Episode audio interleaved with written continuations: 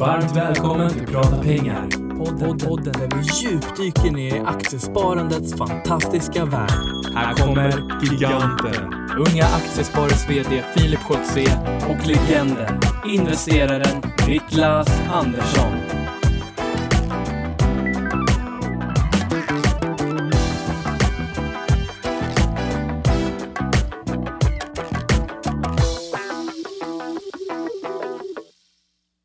Då säger vi varmt välkomna till podden Prata pengar. Ännu ett eh, sommaravsnitt. Eh, vi sa det precis innan, vi vet inte riktigt vilket i ordningen, men eh, det spelar inte så stor roll. Nej, det kommer som det, det kommer som det kommer. Det är lite mer prata pengar i hängmattan-stuk på det här. Exakt. Ja. Det är härligt.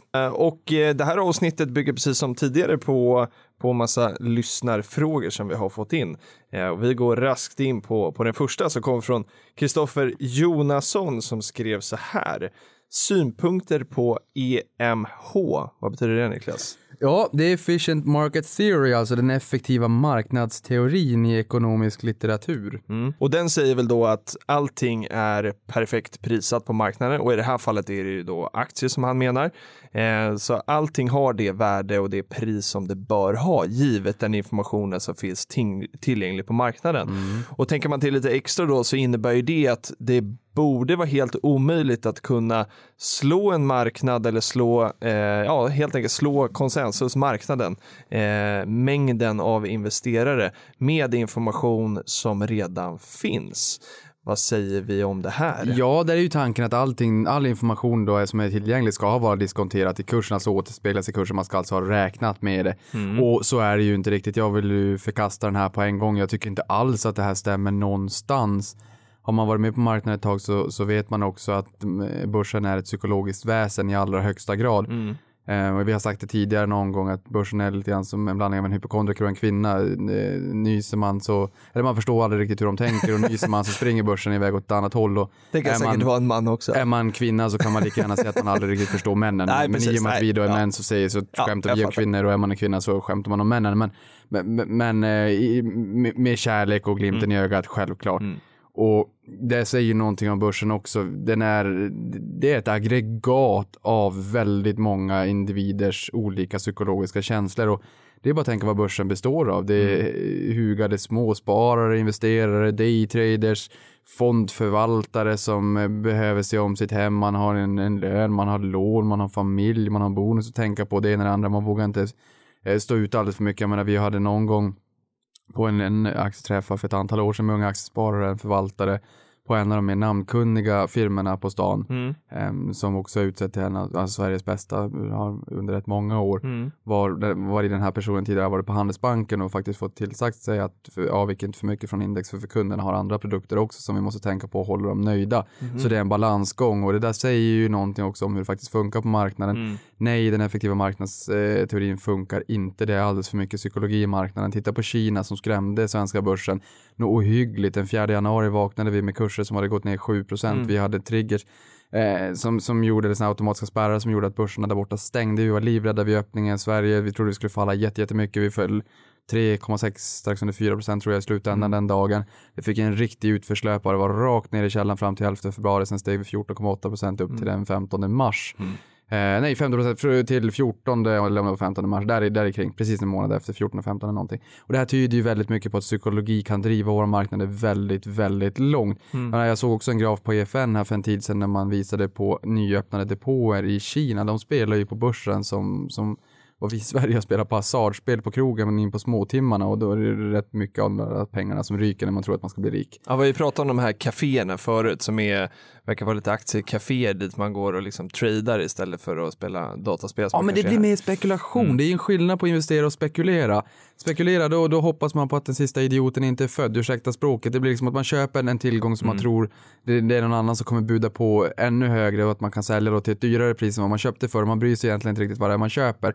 Antingen kan det vara bitcoin eller så kan det vara tulpanlökar på 1600-talet, Mm. det small 1637. Man brydde sig liksom inte om den underliggande, jag menar, folk var inte knäppa på den tiden heller. Man kunde betala, man kunde få boskap och ett hus och pengar emellan för en tulpanlök Mm. om man hade rätt färg och rätt furstendöme köpte det här. Och det visar ju bara någonstans att där var det kanske inte bara ehm, den själva tillgången som man ville ha utan det var ju prisstegring. Det har vi sett i bitcoin också. Sen får man säga vad man vill. Blockchain-tekniken är revolutionerande men det är ju någonstans i infrastrukturen. Men bl- bitcoin är ju som ett tåg som färdas på blockchain-tekniken som färdas på rälsen. Du menar att det är tekniken som är intressant egentligen? Tekniken är intressant där, men det här, det kanske inte är bitcoin som är intressant. Jag ser det inte som investering, jag ser det snarare som en spekulering och nu kommer folk som hör det här hävda emot och de är säkert mer pålästa kring bitcoin än vad jag är också. Men det är det jag menar, liksom, det är skillnad på att investera och spekulera. Sk- Eh, skulle man där kunna säga att eh, precis som ja, bitcoin då som är ju en valuta också. Jag vet att vi fick en fråga, Kryptovaluta. från kryptovaluta. Vi fick en fråga eh, också på Twitter som jag inte har skrivit upp men eh, som passar bra nu. Och det var en person som ville att vi skulle prata mer om valutahandel eh, och det kanske vi kan lyfta in här lite snabbt för anledningen till att vi inte pratar så mycket valutahandel är ju för att du och jag är investerare. Vi tycker inte att köpa valutor är en investering. Nej, det är det ju inte. Och jag menar, de, eh, de rör sig också emot varandra. Det blir ju långsiktigt ett nollsummespel och det beror ju lite grann på eh, ekonomiska storheter i ett land. Det är inflation och konjunkturen och räntenivåer och bytesbalans och nettoexport eller import och export. Mycket svåra ord nu. Ja, eller det man ska säga, ja det har du faktiskt rätt. Det, det beror väldigt mycket på vilken räntenivå det är i landet och hur, hur den ekonomiska temperaturen, alltså hur snabbt landet springer, hur, hur väl mm, ekonomin mår, vad vi har för inflation, alltså hur, hur pass mycket priserna i landet springer, alltså om, om priserna ökar väldigt mycket eller inte. Och jag menar, det är väl klart att om man, om man sitter i två olika länder, säg Norge och Sverige, eh, om det är så att vi här i Sverige har en, en reporänta, alltså en riksbank som håller räntan på minus 0,5 procent. Och sen har vi en, en, en riksbank i Norge som kanske har plus 0,5 procent. Det är ju en procentenhet i mellanskillnad. Om det då är liksom allt annat lika som vi brukar säga i ekonomin, ni, ni vet ju som har lyssnat på det här ett tag att det krävs sex ekonomer för att byta en glödlampa, en som byter lampan och fem som håller allt annat lika. Det är lite så i vår värld. Och, och jag menar, om, det, om, det, om allt annat lika, och, och då är det klart att då vill man ju pla- placera sina slantar i Norge. För om norska banker kan ge en och en halv procent på ett sparkonto och svenska bara ger en halv säger vi. Ja, det är klart man vill ha den där extra procentenheten och om man då också är säker på att det inte kommer vara några valutafluktuationer, alltså att svenska kronan stärks och norska kronan försvagas, ja men då är det ju ett solklart läge. Men det är ju också, det, det, valutan spelar ju in helt klart. Det vet Verkligen. vi ju också som köper amerikanska Absolut. aktier.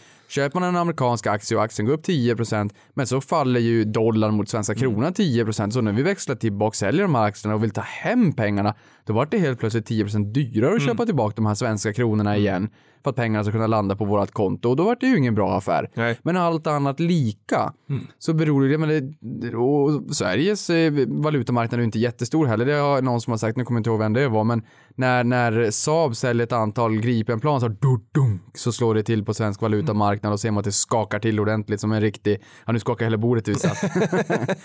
Eh, men, men, men globalt så, så snurrar det tusentals miljarder varje dag och jag menar, det är ju väldigt många bolag som ska exportera och importera. V- Jag menar, det är bara att gå till butiken, det där kaffet som man köper hem när man ska ha lite god kopp kaffe där på kvällen. Det är rätt många valutatransaktioner och terminsäkring och allt möjligt konstigt jox hit och dit innan det där kaffet landar i butiken och det är väldigt mycket pengar som, som eh, som skickar, skickas mellan länderna globalt helt enkelt. Så det är mycket pengar på valutamarknaden och jag menar, förstår man skeendena någonstans så kan man nog tjäna pengar på det också. Absolut. Men det, det, det är inte så att pengarna går till jobbet på morgonen klockan nio och arbetar för dig. Utan det är ju ett, ett jämviktsspel lite grann beroende på hur länderna mår och vart, vart eh, pengarna flödar och så. Eh, Så att nej, kolla nu på Brexit exempelvis då. Det, där vart ju investerarna lite oroliga och då tar man hem, man säljer svenska tillgångar och då blir det så att det blir ju egentligen lite dubbel för att om, om man då inte vill ha mm, eh, svenska aktier, man säger ah men Sweden, Switzerland, what? Ah, eh, let's sell it. Och sen så säljer man Sverige då, och, eller så skulle man sälja Schweiz och så, så vill man sälja lint och blanka lite, lite choklad, men så vart det Sverige istället. För det är ingen som vet skillnaden. Det var i så fall 75% av amerikanerna på Wall Street, alltså människor som gick där utanför då, hade CNBC tror jag att det var intervjuer om, 75% av dem visste inte ens vad Brexit var. Nej, okej. Eh, och största googlingen i UK efter Brexit var, vad är Brexit? Ja. Eh, det säger Var det inte var i EU? Nej, ja det kanske bara Var var i EU. EU, tror jag. Ja, så det, Det, det säger väl lite grann. Det var någon som också hade sagt åh vad skönt att slippa vara med i fotbolls-EM, men man Ja. förstår inte att det blir mer implikationer än så.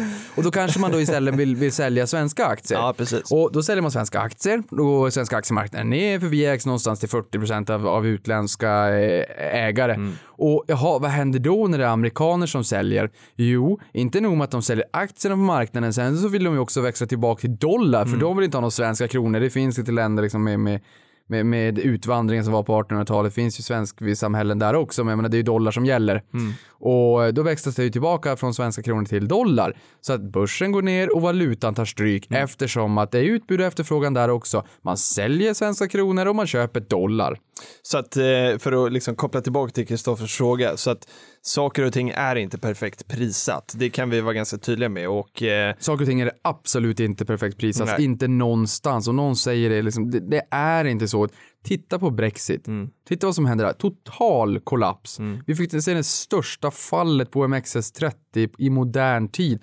Börsen föll 8,42 procent. OMXS30, de 30 mest omsatta aktierna på, på Stockholmsbörsen då.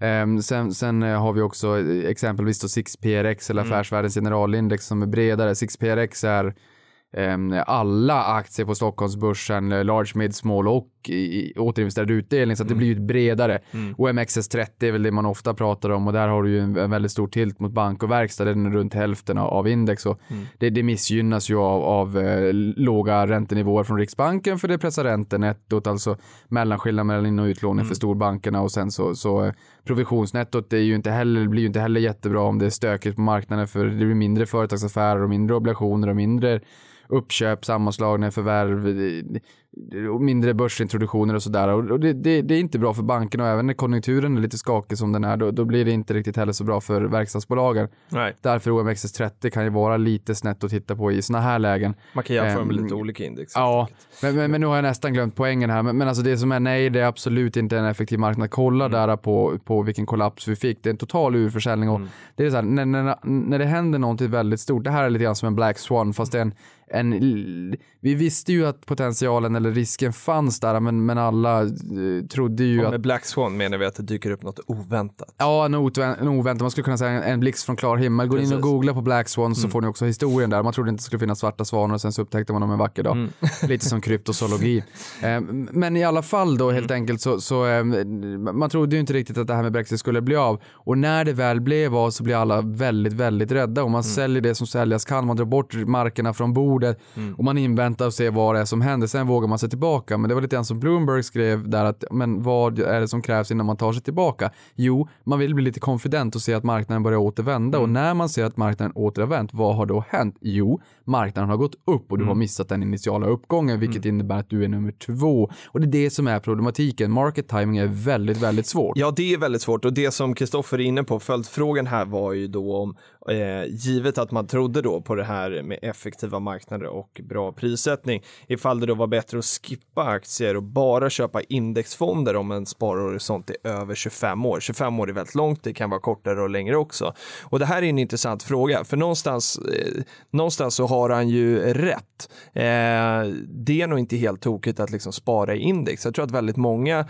skulle ha en bättre avkastning av att de sparade i index över tid och gjorde det regelbundet eh, också. För även om du sparar i index så kan du ju faktiskt köpa på dig mer när, när det kommer en Brexit-måndag eh, och kliva in ännu, ännu mer. Så att du, på det sättet borde du kunna slå index även om du investerar i indexprodukter och inte liksom hålla på att tajma marknaden. Men jag känner i alla fall för egen del så tycker jag att det är så vansinnigt tråkigt. Ja. Jag skulle aldrig vilja skjuta in mitt månadssparande liksom i, i, en, i en indexfond som uppdateras med en dags fördröjning. Jag, skulle, jag, jag skulle tycka det var alldeles, alldeles för tråkigt. nej, det ska man inte göra. Det, det, det, Men det är ingen tokig strategi. Alltså känner, man att, känner man så här att, att eh, jag, jag vill inte hålla på med aktier, men jag vill få exponering och tycker att det här är, är liksom jätteintressant för avkastningens skull och kunna bygga upp en, en finansiell liksom, trygghet, så är det ju ingen dålig strategi. Men för dig och mig som älskar att prata om våra bolag så hade ju det här tagit död på oss. Ja, nej, men det, det, det, ja, nej, det är inte jätteroligt. Men det är klart att om man, om man vill komma igång med ett sparande så är det bättre att ha en indexfond än att inte ha någonting alls. Men jag menar, det här är lite grann som att eh, någon Linas matkasse eller vad den är Eh, de sätter ihop maten åt dig och du vet inte riktigt vad du får. Jag menar, kommer ni ihåg när vi gick i skolan när vi var unga? Jaha, vad är det för mat idag? Ja, det är blodpudding och potatisbullar. Jaha, det är inte så jäkla roligt. Eller så är det fil och flingor. Nej, då vill man ju kanske hellre ha en riktigt god hamburgare eller plättar eller palt uppe i Norrbotten. Vad fantastiskt. Jo men det kräver ju också att man lägger ner den här tiden och att man liksom vet vilket. Sen, sen tycker vi också att, att det är lättare än, man behöver inte sitta 40 timmar i veckan för att hitta de här fantastiska bolagen. Det räcker med att liksom gå till sig själv och, och köpa det man gillar och liksom göra det på x antal stycken så har man en bra riskspridning. Mm. det men det är ingen tokig strategi. Nej, det är inget eh, jättetokig strategi, men just där eh, som spagetti köttfärssås skulle jag säga, spagetti makaron lät konstigt, det brukar, det är spagetti köttfärssås. Nej, men det är, Det är så när man går in i ma- mat, Samma lik. samma lika. Det är Kungsörnen, de, det är ju lantmännen, de kanske Ja, det. man hade kunnat få in på börsen här någon gång. Du vet Barilla, Vasa knäckebröd äger ju Barilla också, det är Mm. Just det, mycket just det. inavel i den där branschen. Men i alla fall, ja korsägande. I alla fall, det är det som när man går in på en matvarubutik. Man vill ju gärna se de här olika produkterna, varumärken och breddning av produkter. Det, det är lite grann chili, eh, chilismak på ketchupen eller cajun eller någon, någon chipotle hit och dit. Det, det är ju spännande att se. Man är lite grann av en stockpicker där och plockar ihop sin egen riktigt saftiga eh, matkasse när man går från butiken. Och det är ju samma sak med aktier också. Nej, det där med fonder, det blir ju inte lika roligt. Nej. Men, men det är klart att det är ett bra sparande, eller bra att ha det än att inte ha någonting alls. Så är det. Men däremot så skulle jag säga att det inte är lika bra att ha en indexfond som att ha ett, ett fint aktieägande över tid. Och det här beror ju också på, jag menar vissa fonder, det beror på vad man har för underliggande. Mm. Säg att man har OMXS30, ja men det är ju inget fel i det, men det är mycket bank och verkstad. Mm. Det finns många andra bolag som inte är bland de 30 mest omsatta aktierna på på börsen och det finns många som kanske finns på andra listor som man vill plocka in också. Jag menar, har någon gång någon käkat en gott och blandat påse så vet man, eller ännu bättre, gå, be en kompis gå och handla lösviktsgodis så kan du ju det fasiken på att det kommer att finnas godis som du inte du tycker om i den där Nej. påsen. Och så blir det lite med fond, men det blir en, eh, liksom en avvägning man får göra då. Helt Ja, men det är det jag tänker på här. Mm. Det är precis samma sak med börsen när folk frågar kan man få en riktigt bra avkastning som överpresterar Mm. börsen? Jajamensan, absolut. Fattas bara att man plockar bort skräpet. Mm. För att i, i, det blir lite grann som att toppa ett fotbollslag. Jag kan Mm. ingenting om sport så jag sågar mig gärna kring det här. Men jag menar, det finns ju alltid eh, bolag som är toppklass som levererar Mm. år efter år efter år. Sen finns det snackarna som snackar väldigt mycket och aldrig levererar. Sen finns det de som går med förlust och det, men det finns Som man tror ska bli bra en vacker dag. Ja men precis, ja. Mm. kapa bort de bolagen som inte är bra. Eh, f- f- låt gärna medelmåtterna också vara och, och fokusera på de som är riktigt bra. Men det är ju där svårigheten är. Mm. Hur hittar man guldkornen? Precis. Och det här är ett löpande arbete över tid som är så förbaskat roligt Jo. och det är därför det här med aktier är roligt. Ja men så är det. Och du och jag har ju liksom valt den vägen. Och skulle det vara så att man liksom, eh, vi, vi vill ju att alla ska göra det för att det är just fantastiskt kul och det skapar liksom goda möjligheter också till Eh, till roliga aktiviteter, man lär sig väldigt mycket på det. Men eh, idén är i alla fall inte helt tokig och jag tänkte så här då, för fonder som vi då säger är ganska tråkigt eh, om man nu liksom vill gå in som du och jag hela tiden hundra gånger per dag och liksom följa. Men då finns det ett alternativ och det är Jag är Jenny inne på. Eh, Jenny Lagerman heter hon nog på, på Twitter. Hon säger det här med börshandlade fonder, ETFer, hur funkar de och hur ska man tänka? För här har man ju då helt plötsligt ett alternativ till fonder som ju löser det här problemet med att eh, det tar lite tid att köpa och sälja. Eh, ETF står ju för Exchange Traded Fund eh, och är då en börshandlad fond. Det är precis som en fond fast den handlas över börsen. Så du köper och säljer den i realtid när börsen är öppen precis som, som en aktie. Skillnaden mellan det här och en fond är ju att en börshandlad fond har, ofta är det indexfonder så att de följer index, det är sällan aktivt förvaltat, eh, så att du har en låg förvaltningskostnad, ofta mycket, mycket lägre också än vad en vanlig indexfond har, men du betalar courtage. Eh, och du betalar också en liten spread, alltså skillnad mellan köp och säljkurs, precis som för, för aktier. Så det man behöver titta på där är egentligen och räkna på vad är kostnaden i courtage eh, och, och spreaden och så lägger man ihop det här och kan man jämföra det med en fond så, eh, och inse att det är billigare så är väl det ett eh, utmärkt alternativ. Ja, och där får man också säga, vi var, det här vi var inne på alldeles nyss om just Brexit. Eh, och, och att det, är med effektiva marknadsteorin, just när vi är inne på det här med, med, med om, marknaden är effektiv eller inte. Just fondflöden också, när folk Mm. blir rädda. Det, blir, det finns både smart money och inte, det är inte det finns eh, smart money, funny money och dumb money och vad det är får vi väl gå in på något annat avsnitt. Men Ehm, är många som, blir, som inte följer börsen dagligen och kanske blir lite rädda det här med Brexit när de ser det och trycker på säljknappen. Det tar någon dag innan, Mm. innan de flödena också syns i marknaden. Och Absolut. fondförvaltarna får en rapport under natten och så på morgonen säger vad var det nettot av in och Mm. utflöden. Och är det så att man har utflöden som man då ofta har när det är väldigt stora utförsäljningar och många blir rädda och man säljer av. Ja, då räcker ju inte heller den kassan som man håller i fonden för att möta det dagliga.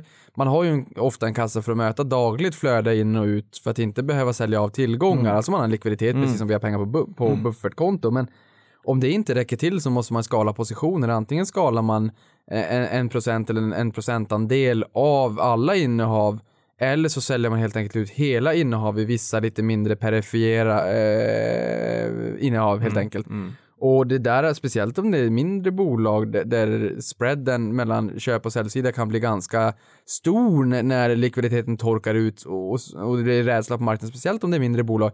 Då brukar man kunna se riktigt ordentliga nedgångar om de går via orderdjupet. För är det riktigt, riktigt stora orders, då är det så här blockaffärer vid sidan av börsen så rapporterar man bara in. Då går man inte via orderdjupet för man Nej. vill inte påverka kursen för mycket. Nej. Men, men det gör att det kan ju bli de här dumma flödena inom citationstecken. Det kan vara så att fondförvaltarna sitter och tänker förbaskat, alltså det här är ett bra köpläge, men vad ska jag göra när folk trycker på säljknappen? Jag måste ju möta utflödet. Eh, Men att om man hade frågat dem genuint, liksom, vad hade du du velat göra göra? just nu om, du, om det hade varit helt upp till dig och det hade varit en månadshandlad fond? Då kan det ibland vara annorlunda. Så ibland Absolut. när börsen går ner så kan det vara köplägen och det också sätter ju effektiva marknadsteorin på sin spets. Mm. Ja, men det är det. nu till den frågan vi var på. Ja, och det var ju, vi var inne på ETFerna och sen ska man ju säga då att, eh, jo, här tänkte jag faktiskt, eh, vi har ju en favorit som vi brukar prata om och det är Warren Buffett. Eh, och Warren Buffett har ju två grejer kring det här som jag tycker är ganska intressanta. Eh, dels så var vi inne på spekulation. Jag tror att Warren Buffett har sagt att all, allting du investerar i eh, i kortare än två år är spekulation. Det måste gå minst två år för att det ska vara en investering. Det tycker jag är jätteintressant.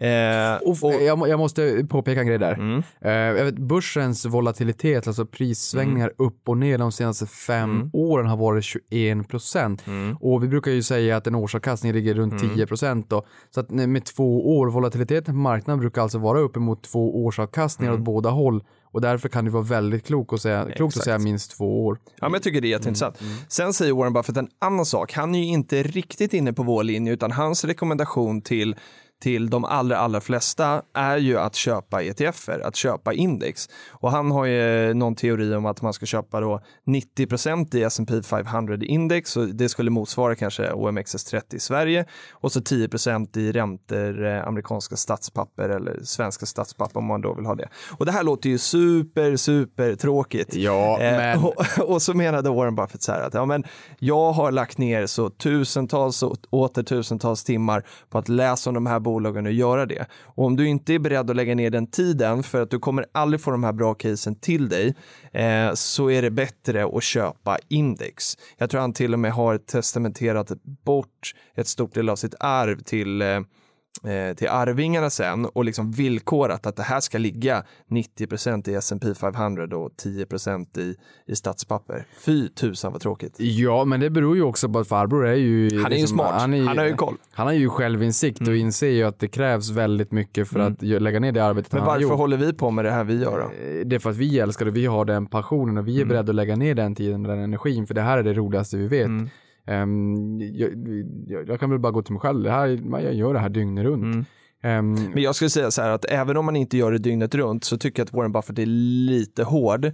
Eh, man behöver inte lägga ner, han har ju lagt ner hela sitt yrkesverksamma liv på det här ungefär, förmodligen alla vakna timmar också. 600 till 1000 lästa sidor per dag i, när, när, Exakt. när, när det begav sig. Och jag jag är- förstår inte hur det går till faktiskt. Nej, och jag är ju långt ifrån det, men jag köper aktier i alla fall för att jag tror, eh, ja visst, jag kanske kommer inse om 40 år att det hade varit bättre för mig att köpa en indexfond, men, men då har jag i alla fall, då har jag inte haft lika kul på vägen så att jag tycker att det är, är värt Nej det. men vet du, jag, jag, jag tror faktiskt inte det, helt ärligt. Jag tror inte heller det, men man vet ju inte. Nej, och det ska vi också gå in, gå in på här i något kommande avsnitt. Det är kanske till och med så att vi bjuder in, nu vet inte jag, jag bara droppar det här i podden, men det, det är kanske så att vi bjuder in eh, Eh, Nick- Warren Buffett. eh, Warren Buffett. Eh, Nej, men, Ni- Niklas på, på Spiltan. Och Mm. det ska vi väl säga att vi är inte sponsrade av någon i den här podden. Men varför jag nämner det är ju för att jag var på, på Spiltans årsstämma. Och där pratade vi ju lite grann. De har ju en Smålandsfond. Mm. Och då kom vi in på det där till, till tjejens förtret eftersom att inte hon hann till butiken. Hon, det var jätteviktigt att vi skulle ner till butiken och hann stänga för att jag kom in i en aktiediskussion. Och sen flyger bara tiden. Ja. Men när de pratar just om varför småländska Mm. bolag levererar och levererar och levererar år efter år efter år och om det finns något speciellt DNA med bolag som kommer från den här regionen, att det är någonting speciellt som de gör Mm. eh, som uppenbarligen gör att många bolag därifrån faktiskt lyckas. Mm. Och jag var ju på en, en, en, eh, en aktieträff med Aktiespararna Mm. För en tid sedan när um, Nibe var med. Mm. Och jag har säkert sagt det här på det, men jag säger det igen. De sa liksom det här med golf och golfkonferens och sådär. Det är inte jobb, det är fritid, Mm. det är nöje. Det sånt gör inte vi. Vi jobbar för Mm. aktieägarnas pengar. Mm. Och det är inte bara snack, de Nej. gör det. Mm. Och det här är ett bolag som har levererat Mm. och levererat och levererat och fortsätter leverera. Och det är väldigt spännande att försöka åtminstone bolla vad det är Mm. Verkligen. Mm. som gör att vissa bolag faktiskt fortsätter leverera. Och det ska man väl kunna säga också en, en eh, generell reflektion när man ser att en aktie kanske går upp väldigt mycket, man säljer den och så köper man lite mer i den här aktien som har gått ner för att den kommer att vända. Bra bolag tenderar att fortsätta gå bra och dåliga bolag tenderar att fortsätta gå dåligt. Och hur många gånger har inte jag hört folk som har sagt jo den där aktien har jag tittat på men den var lite dyr och den har fortsatt lite dyr och det var ungefär ett antal hundra procent sen. Intressant. Mm. Eh, och eh, jag tänkte så här, jo det jag skulle komma till, nu är det mycket utsvävningar idag, men det är roligt. det jag Ja, jag har nyss ätit så att jag har en massa energi. Jag åt inför podden och insåg att det var ju kanske lite dumt för nu har jag en massa överskottslikviditet energimässigt. Du som har så lite eh, energi normalt. Eh, inte. Eh, jo, nej men det jag skulle komma till var att varken du eller jag handlar ju speciellt mycket fonder eller ETFer, inte alls. Men det finns på ett ställe där vi faktiskt är tvungna att göra det och det är i PPM. Och här fick vi från M Svarstad på Twitter som skrev hur ofta byter ni fonder i PPM och vad äger ni? Så det tänkte jag att vi lite kort kunde berätta. För i PPM, alltså den den eh, fria delen av, av tjänstepensionen, eller tjänstepensionen, den allmänna pensionen, eh, så får man ju faktiskt eh, välja egna fonder. Och de här är ju öronmärkta till, till en själv då. Ska jag börja då medan du kollar vad du har? Ja, men, men just den här en, en börshandlad fond också. det- Man skulle kunna göra så att man skriver ut sitt aktieinnehav på sin nätmäklare och sätter det i en fryspåse och där har du en, en, en ETF. det blir en börshandlad fond. Ja, Det, det, ju- Jo, blir, jo, ja men lite så. det blir lite grann som de här Ja. färdiga matkassarna n- när det kommer till e-handel inom dagligvaruhandeln. Mm. Just bara för att förstå hur de funkar. Absolut. Så det är ju en fond fast den är, den är handlad dagligen pre- precis som en aktie över börsen och avslut sker direkt istället för att det är fram till klockan 13 på dagarna man ska trycka på köp. Sen går det under natten och sen så är det en avvecklingscykel och sen Just pang där eh, dagen efter eller kan vara upp till två dagar efter eller tre dagar efter precis. beroende på hur exotisk fond det är då. Så är de på depån. Men de här handlas precis som aktier då. Så är det. Eh, och i PPM, jag har snurrat runt i lite olika fonder här och byter Eh, inte jätteofta ska jag säga, men ibland. Från början hade jag en strategi om att i PPM så skulle jag ha lite mer då exotiska fonder för att jag, det är inte så lätt att köpa aktier i exotiska länder. Eh, så då valde jag eh, från början att ha lite tillväxtmarknader och jag hade lite ditten och datten. Eh, men sen ångrade jag mig och så tänkte jag så här att nej, men över lång tid så är det ju väldigt viktigt att ha fonder som eh, Eh, som inte kostar speciellt mycket och nu har ju de här tillväxtmarknadsfonderna, eh, eller alla fonder i PPM-systemet har ju en kraftig rabatt. Eh, så på det sättet kan man ju handla dyra inom citationstecken fonder då, eh, till ett rabatterat pris. Eh, men för inte alls så länge sedan så, så svängde jag om och så tänkte jag men Sverige har ju faktiskt gått i en av dem, du får rätta mig om jag har fel här Niklas, men Sverige har väl varit en av de aktiemarknaderna över väldigt lång tid som har presterat eh, bäst. Det kan du ge dig på. Ljuger jag nu? Nej. Nej, nej. Så då tänkte jag så här, nej men jag eh, håller mig exponerad till Sverige och så tänkte jag då så här inom PPM, vad får jag den billigaste exponeringen och vad tror jag jag hittar då? Jo, jag hittade Avanza Zero. Ja, det Jaha, finns närande och tärande människor i det här samhället. Så att eh, som svar på din fråga, M. Svad, Sva, Svarstad, så har jag eh, 100% Avanza Zero idag i, i min PPM. Vad har du Niklas? Ja, vi ska in här och kolla. Jag var tvungen, jag har ju ett antal olika telefoner i fickan och det är bra är det ju inte, men det finns anledningar till det då. Eh, vi ska se. Jag har lite problem med att migrera ihop jobbtelefonen och privata telefonen, men jag försöker så gott jag kan, för man kan inte gå med en telefon i varje ficka. Ja, men jag har Twitter på allihopa. Nu, nu ska vi se här. Fan, jag har ju några spännande, men det blir ju lite så här, man fokuserar ju inte jättemycket på de här portföljerna. och Det är Man ju gör lite inte det. synd. Ja, Men å andra sidan blir man ju väldigt långsiktig då kanske. Ja, det blir man ju. Men, och, och de här pengarna i premiepensionen, de är ju öronmärkta. För den, Ja, det är de. den allmänna pensionen, där 18,5 procent av, av eh, din inkomst upp till 7,5 inkomstbasbelopp sätts ju av till allmän pension och Mm. 16 procentenheter är inkomstpension. Det är egentligen bara poäng på ett papper som säger att ja, men du får de här när du går i pension. Sen så är det liksom alldeles för många pensionärer i förhållande till yrkesverksamma den dag vi ska gå i pension. Mm. Så det där kommer säkert inte hålla. Förmodligen inte, men politikerna vågar ju inte ta i det. Sen har vi 2,5 procentenheter då på toppen upp till 18,5. De sätts ju av och där får Exakt. man välja fem fonder. Och där väljer man ju själv. där? Och där, vilket bra inspel. Ja. Snyggt! Stolpe. Assist kallas det i sport har jag för, förstått som inte kan någonting om sport. Men du assistar in, jag slänger in rätt in i mål här och drar på med Alfred Berg Fastighetsfond Norden som första. Okej. Och det här är en fond som oftast brukar brandas med Länsförsäkringar också, men det är Alfred Berg som förvaltar den. Mm. Och där hade vi ju en fantastiskt namnkunnig förvaltare vars namn jag inte kommer ihåg. Jag tror det är Gunnar. Och nu är det en annan då som har gått med honom ett tag då som förvaltar den här i dagsläget då. Han är gammal värderingsman också. Okej. Han hade vi också en gammal aktieträff med här för, för en tid sedan med Aktiespararna. Och det här har varit en av Europas bästa fonder de senaste tio åren. Och det, är ju, det finns ju en anledning till det också. En fastighetsmarknad som har gått rätt bra och en ränta som har gått ner i källan. Så den har jag. Och sen har vi nummer två. Eh, en, av, en riktigt eh, härlig förvaltare som många eh, kommer att känna igen och det är ju Simon Bleckers Carnegie Sverige-fond. Just det. Känner mig bekväm att ha den i, som nummer två då. Jag har faktiskt bara fyra inser jag. Eh, sen har vi Didner och Gerges Mm. aktiefond. Eller undrar om man säger Didner och Gerge? Gerge. Gerge. Och sen har vi Didner och Gerges Tror jag. småbolag. Jag låter väldigt självsäker nu, men jag, jag, jag tror att det är Gary. Ja, så att de Småbolag också. Ja, de Mm. två kniper ju 50% av exponeringen i min, i min eh, PPM då. G- Småbolag och aktiefond. Och sen har vi ju Carnegie Sverige, då kan man ju tycka, men är det inte lika mycket Sverige? Jo, det är det ju, men Sverige är ett litet, eh, eh, öppet, Exotiskt land. exportberoende land. eh, och Sverige är ju, som vi hade sagt en gång tidigare, ett derivat på global konjunktur och investeringsdriven efterfrågan. I bra tider så är det mycket intresse för Sverige och i sämre Ja, tider sen går det ner tänker, lite. jag, sen tänker jag också lite sådär att... Vi har en eh, global närvaro. En global närvaro, så är det verkligen med många, många globala bolag. Men sen tänker jag också att för fonderna som har då ofta svenska fondförvaltare som sitter eh, ofta här i Stockholm runt Stureplan någonstans och förvaltar.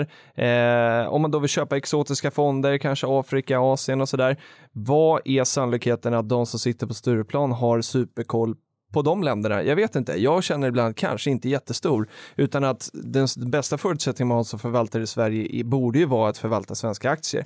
Eh, för där följer man liksom saker och ting mycket mer naturligt och man har kanske en annan känsla för vad som händer på den marknaden som man bor och, och verkar i. Så lite så tänker jag. Och vill man ha exotiska då kan man gå Regeringsgatan upp en bit, sitter Carnegie där och så kan man Mm. gå till Karin Fri som ju förvaltar deras Afrikafond. Ja, visserligen jätteduktig så att jag kastar ingen skit där, men Nej, nej, ibland kan jag tänka så här att, att eh, man har ju lite oddsen emot sig, ja, tänker jag. Mm. Ja, nej, men jag tror att du tänker nog helt rätt där. Men, men det som är intressant där också är att hon åker ju runt och besöker de här bolagen och det är inte alla som gör det. Det är ju många som vänder papper på ett kontor och, all. Mm. och kanske inte ens ser de marknaderna man investerar i. Men, och det där är ju kanske en gäst också för ett framtida poddavsnitt. Mm. Om det är så att det finns ett intresse för investeringar i Afrika. För att det är ju, eh, även fast det är väldigt dyrt att investera i Afrika så är det fortfarande typ 25% Mm. billigare än att köpa en amerikansk aktie i Apple på stor, hos storbankerna. så, eh, vi tycker att det är dyrt med, eh, säg 750 spänn i courtage, men, men jämför med storbankerna och amerikanska marknaden så är det fortfarande rea. Så är det. Och vet du vad, nu är vi eh, klara för idag. Så Ja. vi önskar eh, trevlig, eh, en trevlig sommardag. Vi hoppas att det är riktigt soligt när det här avsnittet kommer ut. Ja, men det tror jag. Mm. Mm. Ledande indikatorer på det talar för det lite. Ja, man har börjat se att trenderna Mm. där ute pekar åt rätt håll. Sommar har vi ju i alla fall. Solen får vi hoppas att den kommer den också. Det hoppas. Kanske folk som ligger på stranden och. Och soligt lyssna när de hör det här. Ja. Och då hoppas vi att man drar ut sina hörlurar och köper högtalare så att hela stranden får lyssna på Prata Ja, pengar. den var Ja. bra.